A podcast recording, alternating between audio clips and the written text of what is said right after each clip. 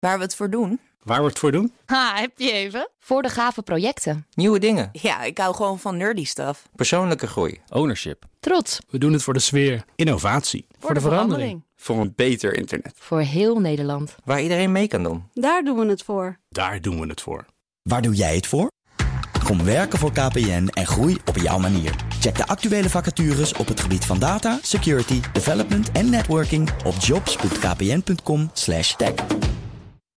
De Nationale Autoshow wordt mede mogelijk gemaakt door Leaseplan. Leaseplan. What's next? Blijf scherp. BNR Nieuwsradio. De Nationale Autoshow. Meindert Schut en Wouter Carson. De autosector staat aan de vooravond van een grote verandering in het traditionele verkoopmodel van auto's. Ja, dealers krijgen namelijk een andere rol. Ze worden agent. Dat klinkt dan wel heel cool, Politieagent. hè? Ja, politieagent. Welke gevolgen heeft dat en wat gaan autokopers daarvan gaan merken? Ja, daar gaan we straks over vertellen. Ja, en verder test Wouter de Alfa Romeo Tonale plug-in hybrid. Oh, echt? Weet ik niks van. Ja, Heb heb, je jij gereden? getest? Ja, ja, niks van gemerkt. We maken zo ook de winnaar van de Autoblog Auto van het Jaar verkiezing bekend. Dat is natuurlijk super spannend. maar eerst, hoe eindigt het autojaar? Traditiegetrouw bespreken we dat in de laatste uitzending van het jaar met Clem Diekman, directeur van automarktanalist Aumacon. Welkom. Dankjewel. Fijn dat je er bent. Eh, nog ruim een dag en een paar uur te gaan. Hè? Zouden we kunnen zeggen, wat is de laatste stand van zaken? Ja, statistieken gaan per dag. Hè. Ja. De sta- stand van eh gisteren, de 29e, was eh, ietsjes meer dan 307.000 nieuwe automobielen. Ja, dat is heel weinig. Dat is heel weinig. Eh, het, het valt al met al nog wel mee, want de maand december doet het erg goed. Er wordt eh, veel geregistreerd, maar tot en met november was het erg weinig. En Ja. december maakt het een beetje goed, maar als je het optelt, we zullen eindigen zo rond de, nou wat zal het zijn, eh 309.000, iets, iets in die orde grootte. Ja, dat is wel verdraaid laag hoor. Het was ooit twee keer zoveel. Ja, ja, ja, ja, ja, 1999. Ja, allemaal even de put in praten. Nee, we gaan, economisch gaat het heel goed. Ja, we kopen geen auto's meer, want daar hebben we geen geld meer voor. Maar Ja, even ter herinnering, 1999, dat is nog niet zo heel lang geleden. hè. 612.000 nieuwe auto's. Ja, Ja. dat waren hele andere tijden. nu de helft. Ja, nu de helft inderdaad. hè. Het laagste aantal sinds 1967. 55 jaar moeten we terug. Het is wat, hè? Ja, maar hebben we dan nu het dieptepunt bereikt? Hè? Dan kunnen we ons ook weer uit die put praten een beetje? Ja, is je natuurlijk nooit helemaal zeker. Nee. Maar eh, eh, daar gaan we het misschien straks wel over hebben. Volgend jaar denken we toch ietsjes eh, aan een kleine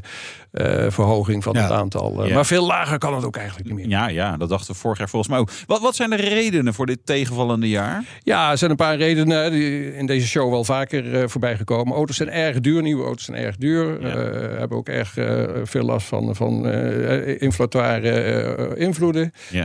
Aan de andere kant, de beschikbaarheid van auto's was het afgelopen jaar ook niet daverend. Nee. om niet te zeggen heel erg slecht. En achterliggend is natuurlijk dat de koopgeneigdheid van, van de consument en ook van eh, bedrijven eh, erg laag is. Historisch laag, hè, volgens het CBS.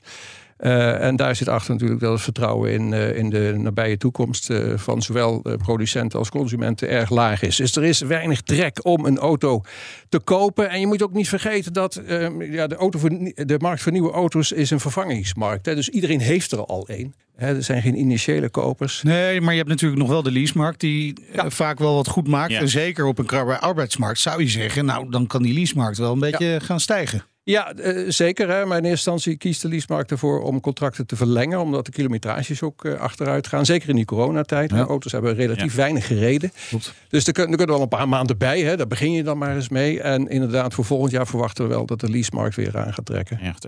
Ja, want je zegt, de economie loopt niet zo lekker. We hebben er allemaal niet zo zin in. Maar dat was begin van het jaar zeker niet het geval. Hè? Toen zat Poetin gewoon nog lekker in Ja. Moskou. Was hij wel met zijn plannen bezig waarschijnlijk. En Ja, toen, eh, weet klopt, je, klopt. dus we hebben een soort omslag eh, gehad. Ja, dus, eh, Q1 was ook eh, redelijk goed begonnen. aardig positief. maar in Q2 kwam de grote terugslag. Eh, dat, eh, dat was eh, eigenlijk het eh, kwartaal wat, wat de autoverkoop genekt heeft. Q3 was eh, een beetje op het niveau van, van vorig jaar. ja. En Q4 pakt eh, eh, redelijk op. eh, met name, daar had ik het net over, eh, december natuurlijk. In de coronajaren hebben we natuurlijk gezien dat de occasionmarkt behoorlijk profiteerde. Hè? Ja. Dat, eh, die waren aantrekkelijk. Veel mensen die uit de trein in de auto gingen. Hoe zat dat afgelopen jaar? Ja, afgelopen jaar. Je bedoelt dit jaar Ja, dit natuurlijk. jaar, hè, ja. eh, Het is bijna 2022. afgelopen. Ja, we hebben daar een, eh, een voorzichtige schatting van gemaakt. Hè, want dat gaat weer eh, per maand. Eh, we denken dat eh, eh, B2C, zoals het deftig heet, is wat autobedrijven met z'n allen Ja. verkopen aan eh, eindgebruikers, hè, zakelijke en eh, particuliere eind- eindgebruikers. We verwachten dat het ongeveer gaat eindigen op 1,22 miljoen auto's. 1,22 miljoen. Hou dat even vast. Vorig jaar waren dat in dezelfde periode, hè, dezelfde eh, 12 maanden, 1,39 miljoen auto's. Dat is een daling, even voor het gemak, van bijna 12 procent. Dat, die, zag ik dan weer niet aankomen.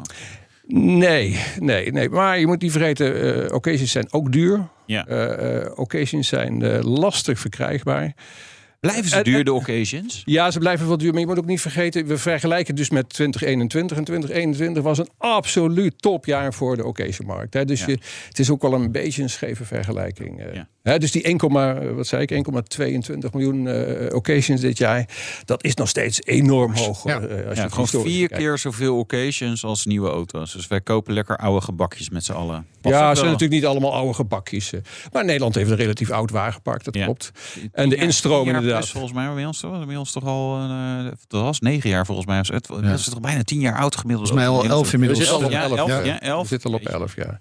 Ja, vergeet niet dat de Nederlandse auto relatief weinig rijdt. we hebben een goede infrastructuur. Het is een vlak land. Fietsen eh. allemaal. Als het kan. Ja, Het hele land ligt vol met drempels, man. Al die auto's zijn helemaal gort. Dat. En we onderhouden ze niet, want het kost te veel geld. Ja. Toch maar even terug naar nieuwe auto's. Ja. Dan, eh, vorig jaar was het een nek-aan-nek race tussen Volkswagen en Kia. Om de titel best geregistreerde merk in Nederland. Ja. Werd toen nipt gewonnen. Volgens mij op de laatste dag, laatste uur misschien wel door Volkswagen. Ja. Is het weer een, eh, een nek-aan-nek race? nee, Nee? nee, helemaal niet zelfs. En eh, wie, wie ligt er bovenop? Kia. Kia. Kia ligt ver Op eh, en bovenop. Kia gaat eindigen met, met pakweg 30.000 eh, nieuwe auto's. Eh, Volkswagen gaat, ik rond het even grof af hoor, maar gaat eindigen rond de 25.000. Dus dat Ja. gaat ook in de laatste dagen niet meer goed gemaakt Ja. worden. Oh, nou, dan weten wij wie we volgende week te gast hebben. Hè? Want dat ging afhangen van wie de grootste zou worden. Ja. Werd Ja. het Volkswagen of werd Ja, het Kia? wordt Kia, Leon Dus, Verstoep. ja, Leon Verstoep is volgende week dan dus te gast bij ons. Precies. Oh, en Ja. ik hou al eh, 's ochtends een, eh, de EV6 GT op volgens mij. Oh. Ah, alles komt samen nu. Onze nieuwe vrienden. Ja, de, weet je, de PON, dat is, ja, dat is eh, aflopende zaken. Nou, ho, ho. Volkswagen. Ik heb een ID Buzz Ja, aan het ID rijden nu. Ja. Ja, moet, eh, een kleine nuance nog. eh, want, daar hou ik niet van. eh, Nuance, nuance, Ton, is dat eh, zo saai? 17 jaar marktleider geweest, hè? Ja. Mind you, hè? Ja. 17 jaar. Ja. En daarvoor was het? En daarvoor was het Opel. Opel. Nou, je ziet wat er van Opel is gekomen. Ja, Ja, ja, ja, ik, ja. ik wil niks zeggen. Ja, dat is geen garantie voor de toekomst. Dus. Maar je maar, nuanceren. maar datzelfde eh, Volkswagen heeft nog wel kans dat ze ook door Toyota voorbij eh, gegaan worden. Oh, wat dus eh, dus de, eh, het zilver is niet eens zeker. Het Nee. zou nog wel eens brons kunnen Zo. worden. Het Dat grappige is wel, hè, als ik mag overschakelen naar de bestelautomarkt. Ja. Daar is Volkswagen natuurlijk ook altijd eh, nummer 1 geweest. Eh, het hele jaar was Mercedes nummer 1. Nou, dat Ja. is heel bijzonder. Hè. Eh, en ik denk dat Mercedes ook graag die titel eh, bij, eh, eh, bij zich, eh, naar zich toe trekt. Ja. Ja. Maar Volkswagen is de afgelopen dagen bezig om die inhaalrace dan alsnog, hè, dat gat alsnog te dichten. Dus Maar doen ze dat met geweldige auto's, zoals, eh, of doen ze dat met, met kortingen? ja, Nou ja, ID Of Bus, allebei, kan ID ook Bus natuurlijk. zijn ze natuurlijk nu aan het Nee, wil je het Dat echt was, weten? eh, ja. ja, dat is een combinatie natuurlijk van kortingen en, en wat druk op de dealers. En, en, en, eh, Ja. Kijk, op het moment dat die, die marktleiderspositie dichtbij komt, dan hebben importeurs, zelfs PON, hè, want Ja. die heeft niet de naam eh, daar veel geld aan te willen uitgeven, maar zelfs PON heeft daar veel baat bij om dat gat te dichten. Dus dat zijn ze nu bij de bestelwagens wel degelijk aan het doen. En bij personenauto's is dat een verloren strijd. Dat Ja. gaan ze ook in die laatste twee dagen niet meer redden. Maar eh, eerlijk is eerlijk, ik heb ze bij Volkswagen ook wel gesproken. En daar hebben ze het al tijden over. Ja, we krijgen gewoon geen auto's. Hè. Dus echt beschikbaarheid Ja, ja, ja, ja. Van, van het Ja, ja. product is waardoor ze niets kunnen verkopen. Ja, dat is... Jezus, ik zie jou. eh, zeg er eens wat leuks over. Ja, zeg er eens wat leuks over. Heb jij het gezegd? Heb ik het een keer niet Ja, gedaan. het is het, het, het, het, het is het gangbare excuus. Eh, Ja. in het algemeen kun je op dit moment wel zeggen dat er behoorlijk uit voorraad geleverd wordt. Ja. Eh, en het heeft ons ook verbaasd wat er nu allemaal nog in december wordt wegge- weggezet. hè. Misschien kun je nog herinneren dat december eh, vroeger, hè, toen we nog Lang, geen- lang, lang, lang geleden. Lang, lang, lang geleden, toen er nog geen EV's waren, was december een maand waarin je normaal. Hè, verstandige mensen registreerden geen nieuwe auto meer. Nee. Hè, want er een nieuw bouwjaar in januari en december. 10.000 auto's werden er normaal gesproken nog geregistreerd in december. Dit jaar is er ook eigenlijk geen enkele incentive, of nauwelijks een heel klein incentive nog voor EV's. Om, ja, want die, die cap gaat uh, verder omlaag. Hè, naar ja, maar ik heb wat zitten rekenen, dat, dat is op jaarbasis 120 euro netto. Dus dat, ja. daar gaat het dan ook niet Als je echt daarvan moet hebben, dan uh, nee, beter gaan fietsen. Maar toch worden er deze maand 30.000 nieuwe auto's geregistreerd. Nou, dat zijn er erg veel, hè, historisch gezien.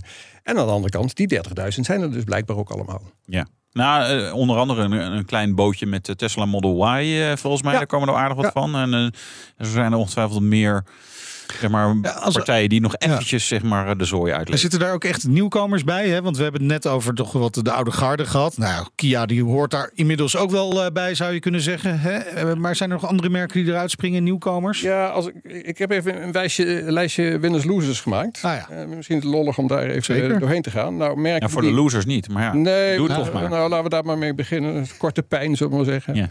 Losers dit jaar, ja, de grote loser, een heel klein merk geworden inmiddels hoor. Subaru.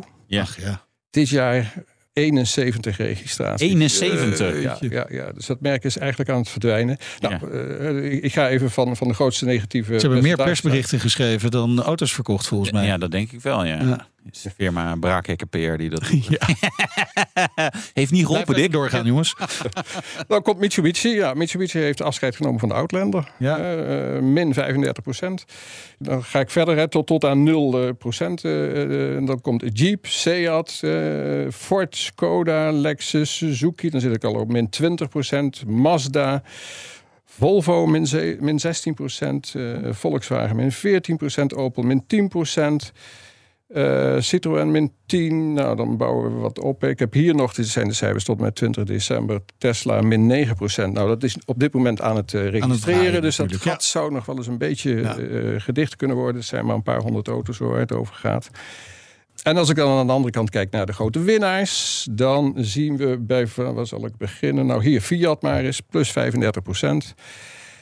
Ja, die kwamen ook uit het dal natuurlijk. Die Ja. kwamen uit een heel groot dal. En eh, het gaat eigenlijk alleen nog maar om, om Cinquecento's. Ja. hè, om die 500'tjes. eh, Ja. Verder heeft Fiat geen verkoopbare auto's meer, eh, zou je kunnen zeggen. Honda doet het eh, erg goed, plus 35 procent. Ja, die komen ook uit het dal. die komen uit een heel diep dal. Ja. Eh, en met dank aan Max, hè, natuurlijk. En, Ja. en, dan kom ik een toch, dat is, rijden. dat is een heel mooi feit. Dan kom ik bij eh, mijn oude merk eh, Hyundai. eh, plus 36 procent. Hyundai wordt de nummer 5 in Nederland dit jaar. Ja. Met andere woorden, we hebben dus twee Koreanen in de top 5 in Nederland. Die ook nog familie van elkaar zijn. Die Ja. nog eh, ja, een dikke familie Goed. van elkaar zijn. Dus dat is, eh, dat is heel De bijzonder. winnaars komen uit Korea, kunnen we stellen, Ja. op dit moment. Als we nog... Ja, en, en eh, eentje uit eh, China, Zweden, Link Co. Die is Ja. ook, eh, ik Ja. weet niet hoe die in de statistiek Ja, staan. maar die, daar was die ik nog niet eens aan toe. Maar Nee. Lincoln Co. zit op plus 84 procent. Jezus. dat, is, dat is serie. Gewoon verdubbelen. ja, ja, Voor een auto die er al een tijdje is. Hè? Ja. DS, hè, voor zover je dat eh, geen, Citroën eh, wil noemen. Plus. 100 145 we moeten nog even naar volgend jaar kijken. Ja. Toch nog even de prognose voor Ja. de autoverkoop in Ja. 2023. Precies. Dit jaar dus 309. Volgend jaar staan wij op 350.000 nieuwe eh, personenauto's in Nederland. 350.000. Nou, dat, is dat dan veel of weinig, hè, gaan jullie vragen? Nou, is nog steeds weinig. Is dat nog zeg steeds ik wel. heel weinig, Ja. want je moet eh, dat afzetten tegenover het, eh, nou, bijvoorbeeld het tienjarig eh, gemiddelde van de afgelopen tien jaar. Dat staat op 393.000. Nou, dat is dus een prognose voor volgend jaar die nog ver onder dat langjarig gemiddelde ligt. En nog veel verder ligt onder bijvoorbeeld eh, 1999 hè, met meer dan 600.000. Dus volgend jaar ja, een, een, een toename van een procent of 14 dus. Ehm eh, bestelautomarkt gaat ook eh, wat toenemen. Dus de dealers, hè, want jullie gaan het straks over dealers hebben, zullen het volgend jaar eigenlijk best goed doen. Ze hebben dit jaar een topjaar gehad. Ze Nou. hebben- Mogen niet klagen. Die gaan nog een extra flesje champagne opentrekken. Gaan Dat wij denk ik straks ook doen na afloop van deze uitzending natuurlijk. Maar voor nu wil ik je bedanken. Clem Diekman, directeur van Aumacon. Tot eh, volgend jaar in elk geval weer. De Nationale Autoshow. Door naar de volgende traditie. En dat is de Autoblog Auto van het Jaar verkiezing. Aangeschoven is eh, Michael Ras, hoofdredacteur van Autoblog. Dag. Dag. Fijn dat je er bent. Eh, jij hebt begin deze maand nog de, de, de kanshebbers bekendgemaakt in onze show. Eh, even het geheugen van de luisteraars, maar ook van mij even opfrissen. Welke waren het? Oh, ik dacht dat je ging vragen hoe het werkt, de verkiezing. Nee, Nee, joh, dat is allemaal doorgestoken kaart, weten we toch. Ja, precies. Na een eh, stevig biertje en dan eh, komen we met een mooie lijst. En eh, een, een lijst van auto's die eigenlijk de, de petrolhead eh, ja, bekoort. Ja. Hè? Uh, zelfs als ze elektrisch zijn? Ja, zelfs dat. We hebben al enkele winnaars gehad die elektrisch waren. Dus uh, dat mag tegenwoordig allemaal. Hè? Ja, ja, ja alles kan tegenwoordig. Tijden veranderen. Tijden veranderen. Maar goed, er zit altijd zit er een Porsche tussen. Welke is het? Altijd een Porsche. Dus eigenlijk altijd van uh, elk merk maximaal één auto. Dus we ah. dit jaar hebben wel even moeten denken: werd het de, de GT4 RS of werd het de 911 GT3 RS? Nou, die hebben we opgenomen in de lijst omdat het natuurlijk ook gewoon 50 jaar geleden was dat de eerste RS kwam. Ja, precies. dat hebben we vanmiddag nog even opgezocht hoor. Dat is zo'n dat is zo'n gelul, hè? Want het is, uh, dat roept Porsche, en jij roept het nu ook, maar het, het Porsche begint, en, en zeggen we, het gaat over de 72 RS. Nee, want het is de 73 RS. Dus volgens mij is volgend jaar het echte 50 jaar ja, ja, ja, van de RS-model. Maar goed, weet je, ze zullen het wel beter weten dan ik in uh, Stuttgart. Ah ja, wij hebben ons 10-jarige jubileum ook gevierd toen we al bijna 11 waren. Niks klopt, ja. Ja, maar hadden wij al dus moeten vieren als we negen. Ja, dan, oh, nu zijn ja, we echt de, volgende doen we dan als we 18 zijn. Ja, zoiets. 16, dat we al voor het eerst op de 14. mogen. 14. de eerste keer dat we in een auto zaten achter het stuur. Precies. oh goed, we hebben dus de Porsche uh, de, elektrisch. Ja, we hadden elektrisch hadden we, moet ik even goed kijken. Ja, de Volkswagen ID Bus natuurlijk. Ah. Ja, uh, lang, lang, verwacht, dit jaar eindelijk gekomen. Nou, vorige keer toen we het lijstje aankondigden, zeiden we, zal een mogelijke uh, kans hebben. Ja. Lotus Emira. Ja. De McLaren Artura, plug-in uh, McLaren. Ja. Natuurlijk uh, de Mercedes SL. Niet heel veel in beeld geweest dit jaar, maar toch ja, uh, van het iconische model een, een, nieuwe versie gekomen. De AMG SL, toch? Ja, is alleen maar AMG, hè? Ja. Tegenwoordig SL. Ja, dat is waar. Ja, toch? Ja, geloof ik. Toch? Geloof ik, denken we. ja? jullie zijn autoliefhebbers. er zijn mensen die, die nu luisteren, die besteden uh, iedere week een uh, 50 minuten aan ons. En die, die denken, ja, die gasten weten het eigenlijk ook niet.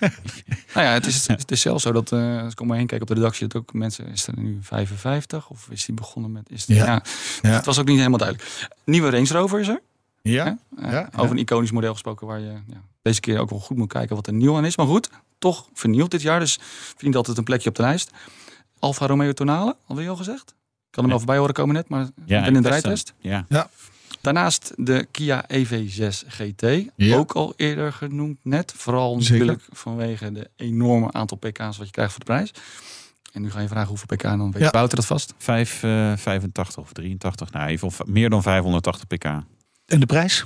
C ja, op. Van mijn hoofd 70.000 euro, 75.000 euro of 67 ja, net, net nog onder. Ja, dat, dat is op zich prima deal dus. Ja. En dan nog, uh, als we toch weer over een jubileum hebben, uh, BMW M3 Touring. Touring, ja. Ja, want het is 50 jaar geleden dat. En dat zochten we ook net op op de redactie. ja, dat zochten we op. Jij vroeg aan mij van, joh, wat is het eerste, wat is eigenlijk dan het eerste M-model wat er 50 jaar geleden kwam? En toen dacht ik, ja, maar niet de BMW M1. Dat is het eerste M-model, dacht ik. En die is 1978. Maar is dat 50-jarige jubileum? Dat is ook helemaal niet. Dat is gewoon de oprichting van de BV. En uh, toen gingen ze. Uh, BMW Motorsport. Ja, ja. BMW en uh, Motorsport GmbH. En ja. de, met een 3.0 CSL, daar gingen ze mee racen en dingen doen. maar dat was eigenlijk niet echt een M-model. Dus nee, precies. Ja, okay. En nu snapten we wel weer waarom dit jaar dan die hommage kwam. Het CSL-model. Ja, ja dat sta, klopt, sta ik me nu te bedenken. goed, dat ja, ze hebben goed voorbereid. Ze, ze, hebben het ook lekker uitgelegd. En ook ja, leuk, leuk, leuk evenement was het ook hè, van BMW. Met, dat we met al die M-modellen konden nou, rijden. Oh nee, wacht. Ik heb dit jaar nog helemaal niet met nieuwe M-modellen gereden. Goed, die boodschap is uh, overgekomen. Uh, leuke, leuke auto's allemaal, ja, denk zeker. ik. Is een beetje goed gestemd? Ja, we hebben weer meer dan 5000 klikjes mogen ontvangen. Dus dat, uh, het ging wel lekker los.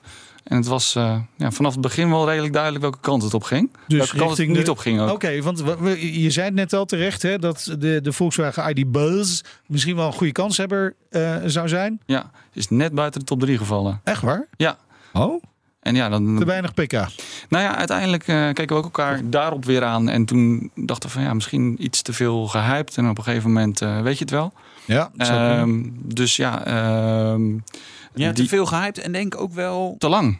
Te lang. En uiteindelijk is het natuurlijk gewoon... Het is gewoon een bestelbus die toevallig elektrisch is en er gaaf uitziet. Maar het is natuurlijk niet... Weet je, als je er naast een GT3 RS zet... Ja, doe maar even wat. Ja. Hmm. Ja? Ja, oké. Is dat gewoon minder spannend? Ja. Andere opvallende zaken? Uh, ja, helaas uh, denk ik ook uh, onbekend maakt onbemind McLaren Artura. Had ja. ik iets hoger verwacht in de lijst, maar die stijf onderaan. Ehm, hebben we ook nog niet mee kunnen rijden dit jaar, helaas. Nee. Staat volgens mij wel ergens een keertje op de planning, maar dat...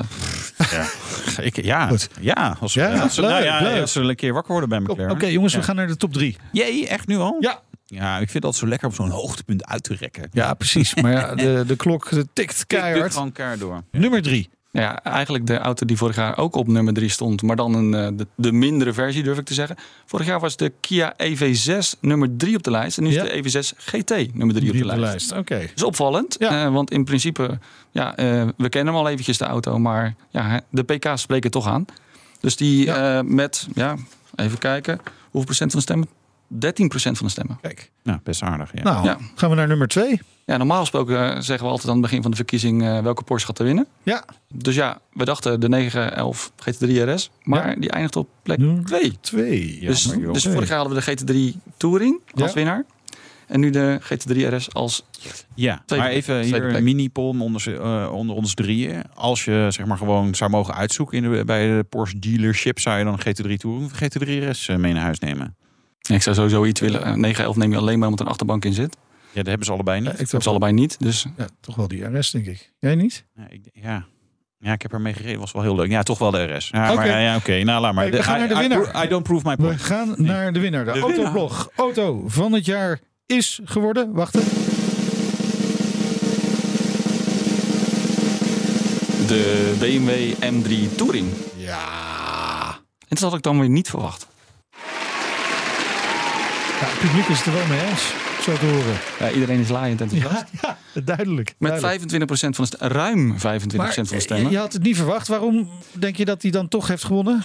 Ik had het niet verwacht, omdat we wel eens wat vinden van het uiterlijk van de laatste BMW's. Ja. En ik denk dat hij gewonnen heeft, omdat dit misschien de meest geslaagde uh, combinatie is van die nieuwe grote nieren voorop de ja. BMW. Met een beetje, een beetje volume aan de achterkant. Dus het is iets meer in proportie. Het kofferbakje van de M3 Sedan was ik ook niet zo fan van. Nee. En meerdere mensen niet. Nee. Dus ik denk dat het misschien in balans is. We hebben er ook helaas nog niet mee kunnen rijden. Maar ja, goed, die 500, ruim ja, 500 pk. Dat, dat, gaan we nu regelen. Want we hebben nu contact met Anne Brons, de baas van BMW Group Nederland. Gefeliciteerd Anne. Ja, dank jullie wel. Zo, Goed om dat te horen. Is een mooie afsluiter van het jaar, zeg. Hey. Ja, kon niet Zeker. beter eindigen, denk ik dan maar. Nee, absoluut. We zijn altijd, we zijn altijd blij met prijzen. En nou, overigens is, uh, is het in lijn met wat we zien bij uh, onze klanten. Want we hebben ongelooflijk veel M&M performance modellen verkocht dit jaar. Dus dat betreft uh, is het in lijn met het beeld dat wij zien bij de verkoopcijfers. Wat maakte die M3 Touring zo begeerlijk? Ja, M3 en ook onze M4, de, de coupé variant, zijn natuurlijk legendarische sportauto's. En de huidige is misschien wel de, de, de beste tot nu toe. En zoals jullie weten, en ook net al gezegd werd, in Nederland zijn met name touringvarianten van auto's uh, extra populair. Dus ja, die combinatie M3 Touring is, is natuurlijk uh, voor veel mensen een, een, een droomcombinatie. Heb je maar rondrijden? Is er al een klant die, uh, die iedereen heeft te ja, pakken? Ja, ja. Er zijn ja? De, eerste, de eerste exemplaren zijn uitgeleverd. je moet wel zoeken op de weg, want er zijn er nog maar een paar. Maar ze zijn inderdaad uitgeleverd, de eerste. Ja. Het is wel een kroon op jullie werk, hè? 50 jaar BMW M en dan Zo. nu deze prijs. Er moet echt een moment voor zijn. nee, nee, ja, ja, nee ik heb ook speciaal uh, mijn werkzaamheden gestaakt om met jullie te praten. Ja, dus dat zegt natuurlijk al voldoende. Ja, dat, is, dat snap ik. Voor, vooruitkijkend naar, naar volgend jaar, uh, 2023. Wat, wat gaat volgend jaar voor jullie brengen voor BMW? Nou, we gaan natuurlijk uh, heel veel modellen afleveren die we dit jaar hebben voorgesteld. Hè? Dus we, we gaan afleveren iX1. Diezelfde M3 Touring waar jullie het net over hebben. We hebben er wel wat in bestelling staan. Maar ook onze, onze BMW M2. Uh, en ook onze nieuwe XM die komt eraan. De, de, de, de sportieve SUV van M GmbH. De, eerste, of de tweede auto uh, in eigen huis door M ontwikkeld. Uh, na de eerste M1 in 1972. Dus dat is ook uh, nee, 1978, ons, denk ik wel een mooi moment. Volgens mij. Nee, ja. Ja, ja, ja, ja. Het is ja, 1972. Ja. Oh, nou ja, oké. Okay. We gaan, daar gaan we nog even naar kijken. Ja, oké. Okay, dus de, de, behoorlijk veel actie. Wat, wat verwachten jullie qua, qua verkoopaantallen en zo? Kan je een beetje leveren volgend jaar? Of blijft dat nog wel een, een uitdaging? Nou, we kunnen, we kunnen zowel dit jaar als volgend jaar redelijk goed leveren, moet ik zeggen. We hebben nu bijna 17.000 registraties met BMW overall. M en M Performance zitten we boven de 1250 units, wat, wat aanzienlijk hoger is dan, dan onze Duitse concurrentie. Dus eigenlijk mogen we niet klagen als het gaat om productieaantallen. Zowel op elektrische auto's als, als, uh, als overige aandrijflijnen. Dus uh, ja, wat dat betreft um, gaat het goed. Het wil niet zeggen dat we geen levertijd hebben. We hebben absoluut natuurlijk ook levertijden. Maar uh, die, die, die worden langzaamaan een beetje korter. En we zien bijvoorbeeld het afgelopen kwartaal ontzettend veel extra productie onze kant op komen. Waar klanten natuurlijk blij gemaakt mee kunnen worden. Dat is ook goed nieuws voor het nieuwe jaar. Dankjewel, ja. Anne Brons. En ook dank aan Michael Ras, natuurlijk, hoofdredacteur van Autoblog. Tot volgend jaar. Tot volgend jaar. Ja. En zometeen. Het traditionele verkmodel van Automerk gaat op de schop. Dat gaan dealers en autokopers merken. Ja. En Wouter, hij wist het niet, maar hij heeft het toch gedaan. Hij heeft de Alfa Romeo Tonale plug-in hybrid getest. De Nationale Autoshow wordt mede mogelijk gemaakt door Leaseplan. Leaseplan. What's next? Blijf scherp. BNR Nieuwsradio. De Nationale Autoshow. Meindert Schut en Wouter Carson. Laatste half uur van dit jaar voor de Nationale Autoshow althans. We sluiten 2022 af met een test in een Alfa Romeo. Ja, ja. echt. Gebeurt niet zo heel vaak, helaas, zou ik willen zeggen. Ja. Maar jij, Wouter, kreeg ja, de kans. Dat ik in het tornado. Oh, ja, je hebt in het tornado. je hebt er weinig van gemerkt. Jawel. Straks hoor je zijn oordeel in de rijimpressie, maar eerst. Ja, als het goed is, gaan in het loop van het nieuwe jaar, dus 2023 hebben we het dan over, de eerste grote automerken overschakelen naar een nieuw verkoopmodel in Nederland. Uh, dealers krijgen een andere rol. Ze worden agent. Ja, of dat goed is, is maar de vraag natuurlijk, hè? Ja. Iedere verandering is goed. Oh, of niet? Oké. Okay. Nee, nou, ja, vast niet. Iemand die er in ieder geval alles over weet is Stijn de Groen. Hij is Associate Director bij de KPMG Global Strategy Group en Lead Mobility en Automotive in Nederland. Laten we het hebben over dat zogenaamde agentmodel, ook wel agentuurschap genoemd. Hè? Voor de luisteraars die het nou nog niet kennen, we hebben het er wel vaker over gehad, maar wat houdt het precies in? Nou, het betekent eigenlijk dat uh, de autofabrikant, nou, de manier waarop ze de auto's verkopen, hè, de, via de traditionele autodealer, die eigenlijk zelfstandig ondernemer is ja. en de auto's koopt van de fabrikant en eigenlijk op eigen rekening risico, zoals we dat zeggen, aan de consument verkoopt. Uh, dat hij dat model wil veranderen naar een model uh, waarin de, die ondernemer eigenlijk een verlengde wordt van de fabrikant. En dat betekent eigenlijk dat die consument bij de autofabrikant koopt, maar de agent is een bemiddelaar geworden. Ja. Dus in, de, in de praktijk zou je nog steeds naar een, een fysieke vestiging ja. gaan. Zou je nog steeds auto's kunnen uh, bewonderen, uh, kunnen proefrijden. Alleen het, het verdienmodel wat erachter zit en zeg maar, hoe de geldstromen gaan lopen, dat gaat veranderen. Maar ook de, het, het, het risico uh, verandert. Hè? Dus de, de, de dealer zit niet meer uh, vastgespijkerd met een, een, een van zijn edele delen aan een bureau. Met zeg maar, zijn, zijn, zijn, zijn voorraad staat daar niet op, zeg maar, op zijn tenen. Uh, je ook kunt zeggen, ja, maar dat is voor die autofabrikant helemaal niet handig. Du, duw het alsjeblieft door naar die dealers. En die gaan er vanzelf rennen. Want die denken, oh wacht, er staan hier nog 50 zwarte. En ik heb er nog geen één verkocht deze week. Ja, nee, dus dat, dat, dat klopt helemaal. Hè. Dus de, de manier, de dynamiek Waarbij een autofabrikant eigenlijk in het begin van het jaar al redelijk goed weet hoeveel auto's hij gaat verkopen aan, aan de dealers, zullen we zeggen. Ja. En de dealers uiteindelijk dan aan een eindconsument. Dat is gewoon een hele andere dynamiek gaan worden. Hè? Want die autofabrikant moet nu zelf gaan, nou ja, eigenlijk gaan uh, voorspellen. En ook eigenlijk zelf ervoor gaan zorgen dat al, het, uh, al die nieuwe auto's in dat jaar verkocht gaan worden. Dus daar, daar gaat echt nou ja, ik zou zeggen, daar moet flink geïnvesteerd worden bij autofabrikanten.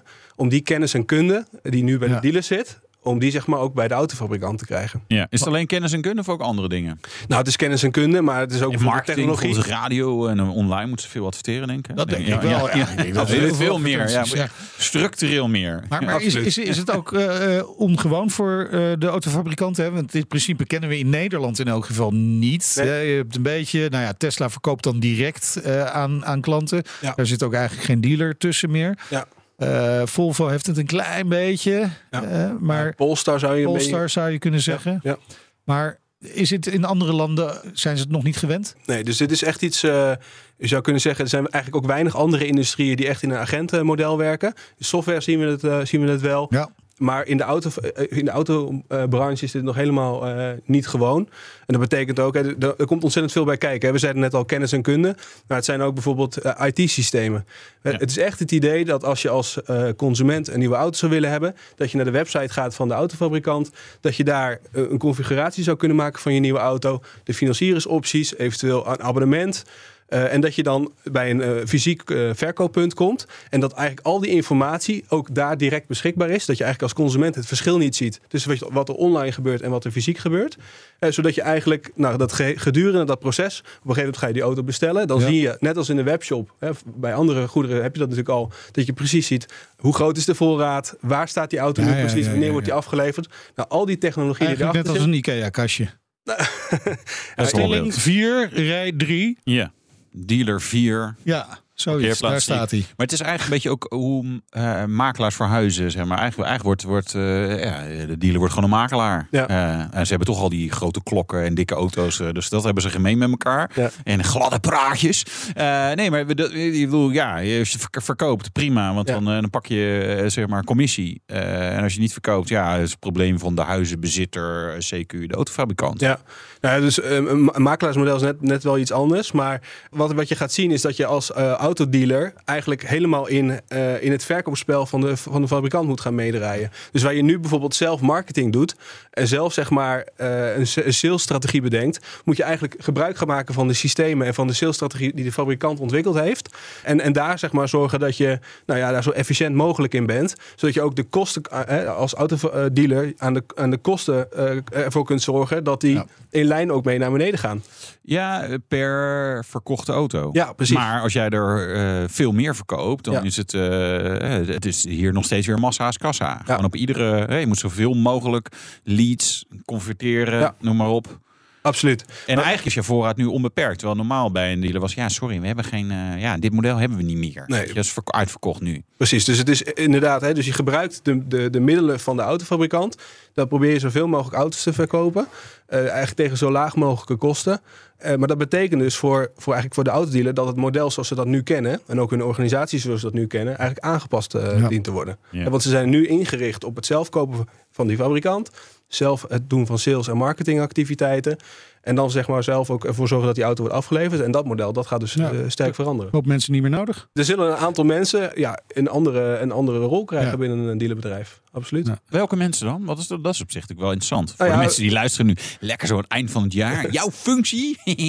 nee, zo, zo, zo, moet je het niet zien, denk ik. Kijk, er zijn een aantal functies die door de fabrikant uh, overgenomen worden. Overgenomen worden hè? Dus ik, ik noem de marketing al. Nou, een stuk van de verkoopadministratie. Er zijn ook veel dealers die ook een grote website onderhouden met een webshop. Nou, voor het, voor het nieuwe deel van de, het verkoop nieuwe auto's, zal dat allemaal door de autofabrikant worden overgenomen.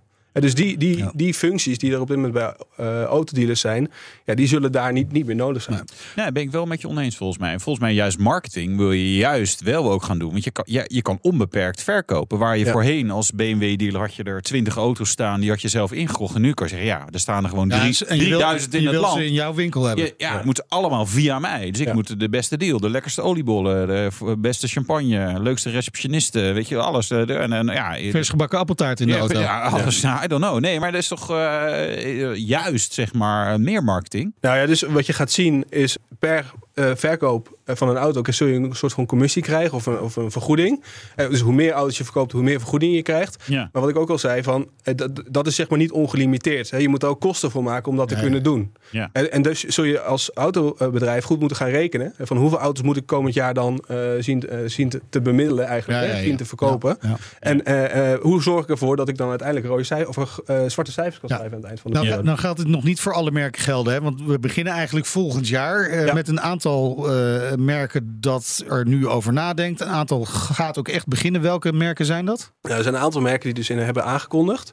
Ford, uh, Stellantis, ja. uh, dat zijn eigenlijk de, de belangrijkste. Die gaan ook in 2023 allebei al beginnen? Nou, dat hebben ze aangekondigd. Ja. Stellantis heeft uh, half 2023 aangekondigd. er zijn ook andere merken die nou, in de periode tussen 23 en 25 zullen gaan komen. Ja. maar, maar je zegt heel expliciet, hebben ze aangekondigd. Geloof je niet dat ze dat helemaal gaan doen? Nou ja, of, zoals ik zei, hè, dus het is niet zo eenvoudig nee. waarbij je alleen zegt van... goh, autodealer, je krijgt nu een nieuwe rol. En vanaf juli 2023 gaan we op die manier werken. Ja. Er moeten heel veel dingen uh, eigenlijk gecreëerd worden. Ja, gouden uh, tijden voor een consultant die daar een beetje bij kan helpen.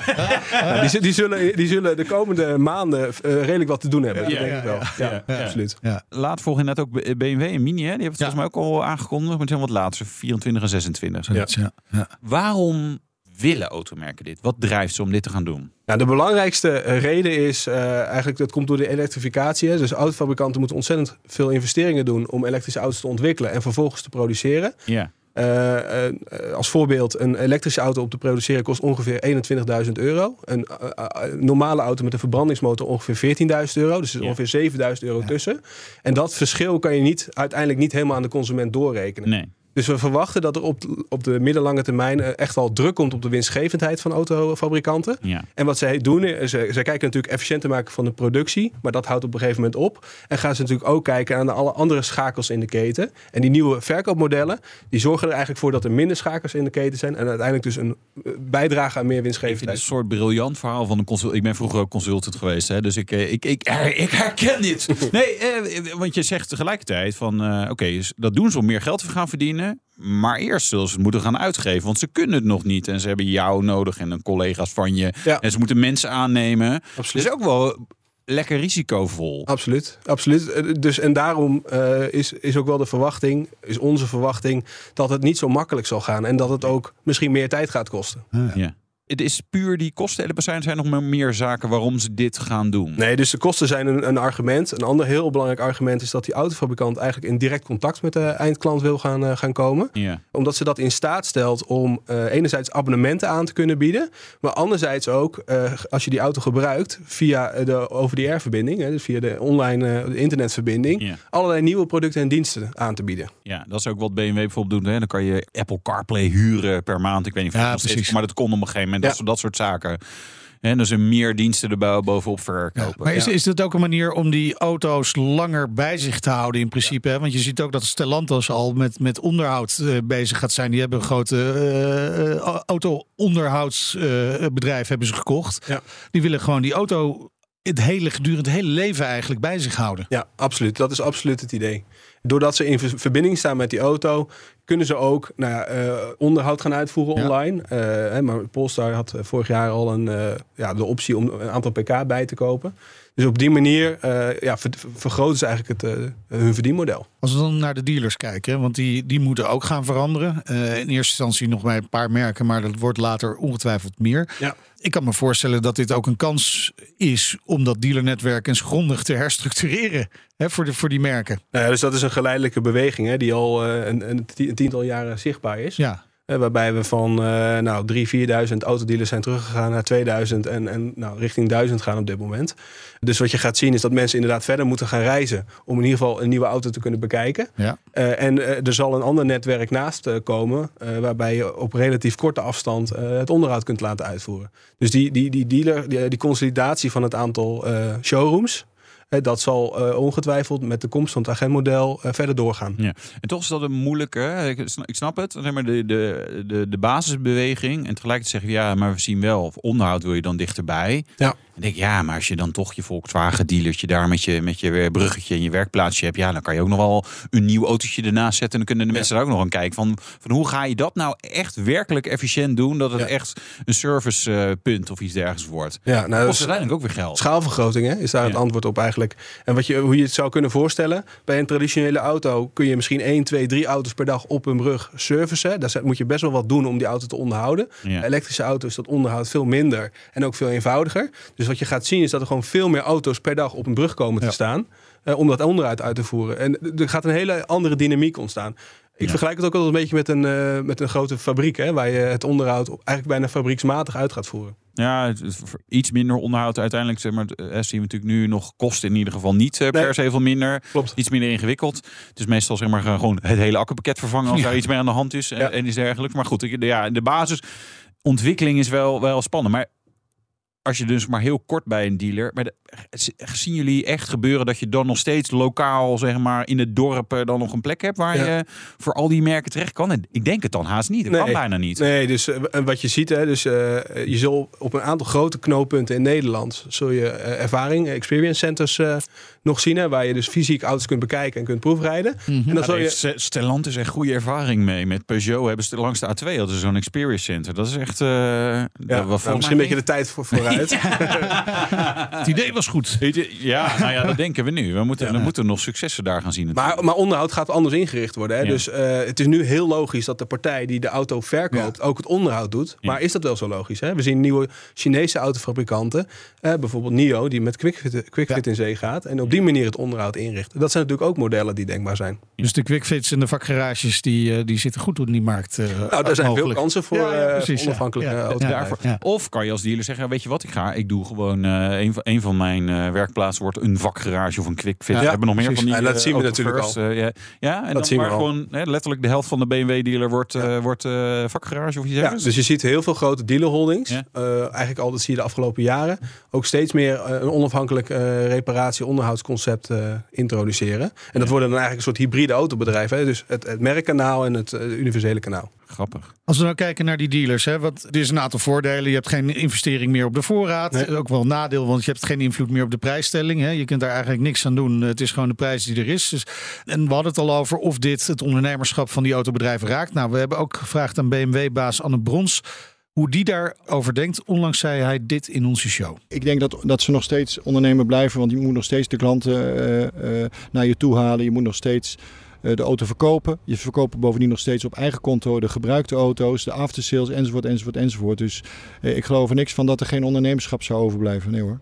Wat is jouw reactie? Ja, dat denk ik ook. Dat is heel veel ondernemerschap nodig. En met name ook om uit die oude wereld te komen. Ja. Dus de manier waarop je het de afgelopen 80 jaar gedaan hebt, dat zal niet succesvol zijn in die nieuwe modellen. Nee. Met een andere, hele andere eh, beloningsstructuur voor dealers. Uh, een heel ander, je krijgt andere tools aangereikt van de fabrikant en die zul je moeten gebruiken uh, om daar su succesvol te, ja. kunnen zijn. Ik zie ook wel kans hoor. Maar ik denk als je niet tegelijkertijd in Europa overal het agentmodel uh, introduceert of er zijn nog partijenauto's, hè, dat is altijd al. Hè, dan, dan waren er ergens wat, wat, wat raar geconfigureerde, noem maar wat, BMW's of Porsches. En dan, ja. nou, die werden dan door een slimme dealer binnengehaald en dan kan je ze toch weer zelf verkopen. Dus wat dat betreft zeg maar denk ik nog, er is nog zat te doen voor, voor die mannen. Uiteindelijk gaat het natuurlijk ook om, om wat houdt een dealer over en de autofabrikant. Heb je enig zicht op wat, wat, wat ze gaan verdienen? Ja. Ja, dat is de, dat is de million dollar question, zou je bijna kunnen zeggen. Kijk, wat er op dit moment gebeurt, is dat die autofabrikanten met de dealers in gesprek zijn over een nieuw contract, nou, komend jaar of het jaar daarna. Uh, in die contracten staat uh, wat er aan, vergoeding tegenover staat. Maar daar staat ook welke kosten een dealer dan nog moet maken om uiteindelijk uh, onderdeel te blijven van, de, van het netwerk. En, en dat is eigenlijk een onderhandeling. Hè? Dus de, de fabrikant wil wat, de ondernemer wil wat. En daar komt uiteindelijk een, nou, komt een, een marge uit. Wat je zeg maar traditioneel zag, was dat een, een autodealer tussen de 10 en 15 procent factuurmarge had. Hè? Dat was eigenlijk de marge die hij kon, kon wegspelen. En waar hij uiteindelijk ook al zijn vaste en variabele kosten van moest betalen. In het agentschapmodel, daar hebben wij vrij uitgebreid onderzoek naar gedaan. Dat onderzoek is overigens via de BOVAG-website eh, ook te downloaden. Dat is de netwerkstudie, waarin we dit ook helemaal hebben, hebben doorgerekend. Maar als je kijkt naar het agentmodel, dan, dan heb je het over een marge van ongeveer 3%. Nee, dat is dus echt veel lager dan de marge in het traditionele model. Maar dat betekent ook dat er veel minder kosten zijn die die ondernemer gaat maken. En als je dat dus goed doet, nogmaals, dit is onderhandeling, dus die 3% staat niet vast. Het kan ook 5% zijn. Dan zou je er uiteindelijk onderaan de streep nog steeds een goede onderneming van moeten kunnen runnen. Tot, tot slot, hè, over onderhandelen heb je gesproken. Wij zijn gewend om bij de, bij de autodealer flink te onderhandelen. Ja. Hè? Mes op de keel. dat zit er ook niet meer in nee, straks als, als koper. Nee. Het is gewoon, dit is de prijs, klaar. Nou ja, dus uh, je zou nog iets... Tenzij je er twee koopt. Nou, uh, kijk, je onderhandelt met de autofabrikant. Hè? En uh, dat zal je, voor, voor, jou als individuele consument lastig zijn. Ja. maar ik denk wel, hè, we werden net ook genoemd, de, de tweedehands auto. Ja, daar, daar is best wel een rol denkbaar voor de, de auto, autodealer om die tweedehands auto in te kopen. En om die op zijn, via zijn eigen kanalen weer te verkopen. Dus daar zit wellicht nog wel een onderhandelingsmoment. Nou ja, en, en uiteindelijk is het natuurlijk heel simpel. Als ze heel veel auto's hebben, dan, ja, dan moeten ze er vanaf. Ja. Dus gaan ze gewoon korting geven. Ja. Toch, als dat, dat verandert, die wereld verandert niet. Nee, dus de, wat ook net gezegd wordt, dat klopt helemaal. Uh, maar dit is nog weer een spel weer van de autofabrikant. Hè. Dus als die autofabrikant in Duitsland nog een paar M3 Tourings heeft staan, als voorbeeld. Uh, en we willen die graag in Nederland verkopen. Dan was het in het verleden ingewikkeld, want die stond bij een andere dealer. En straks is dat allemaal in hetzelfde merk en kunnen die auto's vrij eenvoudig ook in andere landen uh, aan consumenten worden verkocht. Tot slot heel kort, want je zei het is best complex wat er gaat gebeuren. Dus of het volgend jaar allemaal gaat lukken, dat is nog maar de vraag. Maar we bewegen wel die kant op. Ja.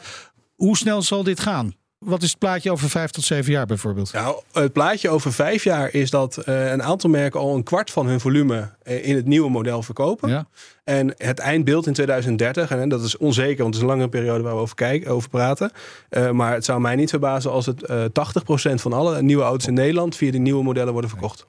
Dankjewel, Stijn de Groen, Associate Director bij de KPMG Global Strategy Group en Lead Mobility and Automotive in Nederland. Dankjewel. De rijimpressie. En Wouter test de Alfa Romeo Tonale, de plug-in hybrid. En dit is meteen een belangrijke versie voor Nederland. Want de, de Tonale was er al, 130 eh, of 160 pk, 1.3 multi-air motor. Zijn overigens ook uh, diesels, vooral voor zuidelijk Europa. in Nederland hebben we niet meer zoveel met de diesel. Maar dit is de plug-in hybrid. Um, Alfa Tonale PHEV4 Q4. Dat betekent ook dat we freewheelaandrijving hebben. En die freewheelaandrijving komt omdat op de achteras een elektromotor is gemonteerd. Die is 122 pk sterk, 250 Nm. Levert die af aan de achterwielen. Je kunt inderdaad ook echt helemaal elektrisch rijden, mocht je dat willen. En dat wordt ook steeds belangrijker uh, in allerlei steden ook en zo. Overigens ook wel grappig. We hebben hier uh, bij de binnenspiegel een lampje wat blauw wordt op het moment dat je echt helemaal elektrisch rijdt. Dus mochten steden willen gaan handhaven op zero emissions en je mag daar met je PHEV in, dan kunnen ze daar dan kijken of je ook echt netjes elektrisch rijdt. Dat is belangrijk. Anders stoot je alsnog CO2 en andere troep uit. Dat moeten we natuurlijk niet hebben. Nou ja, natuurlijk niet alleen maar een elektromotor, maar ook een 1.3 multi-air die de voorwielen aandrijft. Uh, 180 pk sterk, 270 Nm uh, levert hij totaal. Nou ja, dus de hele aandrijflijn is ook allemaal lekker potent. Totaal 280 pk.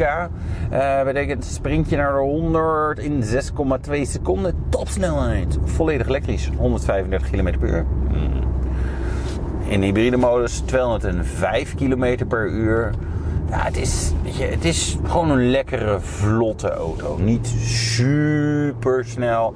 Maar is de vraag of je daar nou per se behoefte aan hebt. In een C-segment SUV, wij wel, maar normale kopers wellicht niet. In ieder geval potent genoeg. Hè, eventjes invoegen, inhalen. Ja, weet je, doet die allemaal super makkelijk. Standaard met een automaat. De meeste plug-in hybrides, volgens mij allemaal inmiddels. Maar eh, zes traps automaat.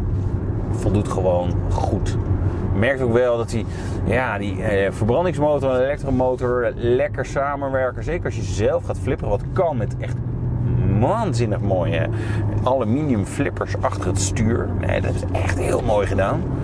Uh, kan Audi vol nog wat mee leren. Hè? R8 en zo hebben eigenlijk allemaal niet zulke mooie flippers. Nou, dit is gewoon schitterend.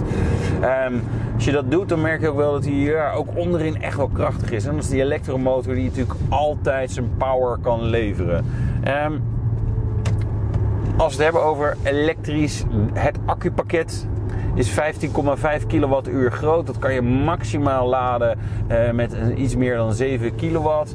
Uh, dat is overigens een aansluiting die we dan in Nederland vaak niet hebben. Uh, want dan hebben we vaker drie fasen. dat is dan totaal 11 kilowatt. Maar één fase is maar 3,7. Dus je laat met 3,7 kilowatt op. Dus dat betekent dat je in een uur of 4 dan weer vol bent. en mocht je een dikkere paal hebben, zeker publieke laadpalen zijn vaak wel dikker, dan ben je dus in 2,5 uur wel vol. Ondertussen ben ik een beetje aan het sturen.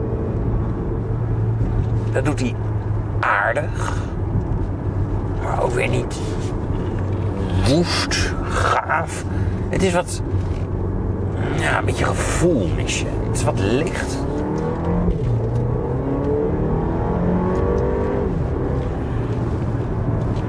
In de presentatie gaf Alfa ook allerlei cijfers over de gewichtsverdeling en het zwaartepunt wat lager is dan bij de competitie en dat soort zaken. Nou ja, fantastisch gewichtsverdeling, 53% op de vooras, 47% achter. En hij gooit uiteindelijk ook best wel power naar achter, want die elektromotor die zit daar. Maar ja, er zit meer vermogen op de vooras. En dat is wel een beetje wat je merkt is dat het ja, vooral eerder neutraal is dan dat er eh, zeg maar, daadwerkelijk kan sturen met het gaspedaal. Hè. Als je op het gas gaat, dat de neus lekker naar binnen komt. Nou ja, ook dat is natuurlijk wel passend bij het soort auto. Uh, maar misschien niet wat je verwacht van een Alfa Romeo. Misschien dat het net even wat speelser is. Het is niet slecht, maar ook niet mega, mega inspirerend. Maar eigenlijk ben ik vooral heel blij rijd door Italië in een nieuwe Alfa die best hard doorloopt. Hè, 206 km per uur topsnelheid. Gaan we hier in principe niet redden. Alhoewel we aardig op weg zijn. Nou, nu al 180. Nee, het, het stamt wel gewoon lekker door. Dit is een potente aandrijflijn voor het soort auto. Echt wel dikke prima. Ehm, prijzen heeft Alfa Romeo nog niet gecommuniceerd, maar ik heb wel een goed gevoel erover wat het ongeveer zou moeten zijn. In principe zou je ervan kunnen uitgaan dat een beetje lekker uitgeruste tonale plug-in hybrid Q4 iets van 51, 52.000 euro, zoiets waarschijnlijk gaat kosten. Uh, en dan heb je wel een auto met vierwielaandrijving, 280 pk, uh, instelbaar onderstel, al die rijmodi, Android Auto, navigatie of infotainment systeem, wat prima werkt allerlei rijhulpsystemen, botswaarschuwing, adaptieve cruise control. Um, overigens wel grappig, op het moment dat je echt aan het hoeken bent en je hebt ESP uit, maar de auto gaat een beetje glijden, dan gaan toch de alarmlichter aan en zegt hij wel, ik heb een soort waarschuwing voor een side impact. Ja, dat klopt. Als ik maar hard genoeg blijft glijden, dan gaat dat ooit wel een keer komen. En ik, ja, ik vond dat vooral zeg maar, een soort aanmoediging om dan iedere bocht te proberen om dat aan te krijgen. Maar dat was nog niet zo heel makkelijk. Maar dat zijn wel dat soort dingen wat het zo leuk maakt bij Alfa Romeo. De Alfa Romeo Tonale, nog steeds een zwakte voor dus wel. Voor Alfa, ja. Ja, zeker. ik ook wel. Wordt Ja, mooi. mooi Wordt dit een succes Tonale? Ja, dat denk ik wel. Weet je, hij, hij smoelt gewoon lekker. Weet je, het is echt om Alfa om te zien. Eh, het is natuurlijk het segment waar mensen in principe wel in willen shoppen. Hè, kleine SUV's. Nu ook als plug-in. Dat is En als je dan gaat shoppen, wat moet je meenemen? Eh, vanaf 42.000 euro is het. Oh, joh, dat vinden we tegenwoordig Oh. weinig geld. Ja. Nee, ja, nee, ik vind, ik vind het een leuke, leuke auto. Het is niet per se mijn soort auto. Ik ben niet zo van de SUV's. Nee. Dan zijn ze 800 pk hebben. En dan nog, doe, doe maar gewoon een sedan. Dat gaat hij nog harder. Precies, dat staat op het wensenlijstje voor volgend jaar. Dit was de laatste Nationale Autoshow van dit jaar 2022. Natuurlijk gewoon weer terug te luisteren via de site, via de app, eh, via podcastplatformen die je maar kunt bedenken. Kun je eigenlijk alle afleveringen van het afgelopen jaar nog in één keer lekker bingen tijdens het eh, nieuwjaarsweekend. Ook wel lekker. Ja, dat is lekker. Hè? Lekker mee in slaap vallen of zo. Oh. Eh, vergeet je niet te abonneren. Volg ons Twitter, Facebook, Instagram, LinkedIn. Ik ben Meijnerd Schut. En ik ben Wouter Karsen. Fijne jaarwisseling en tot volgende week, want dan zijn we er gewoon weer. Doei. De Nationale Autoshow wordt mede mogelijk gemaakt door Leaseplan. Leaseplan. What's next? Bij BNR ben je altijd als eerste op de hoogte van het laatste nieuws. Luister dagelijks live via internet. Bas van Werven. En heel langzaam komt de zon op rond dit tijdstip. Je krijgt inzicht in de dag die komt op BNR, het Binnenhof in Nederland en de rest van de wereld. De Ochtendspits. Voor de beste start van je werkdag. Blijf scherp en mis niets.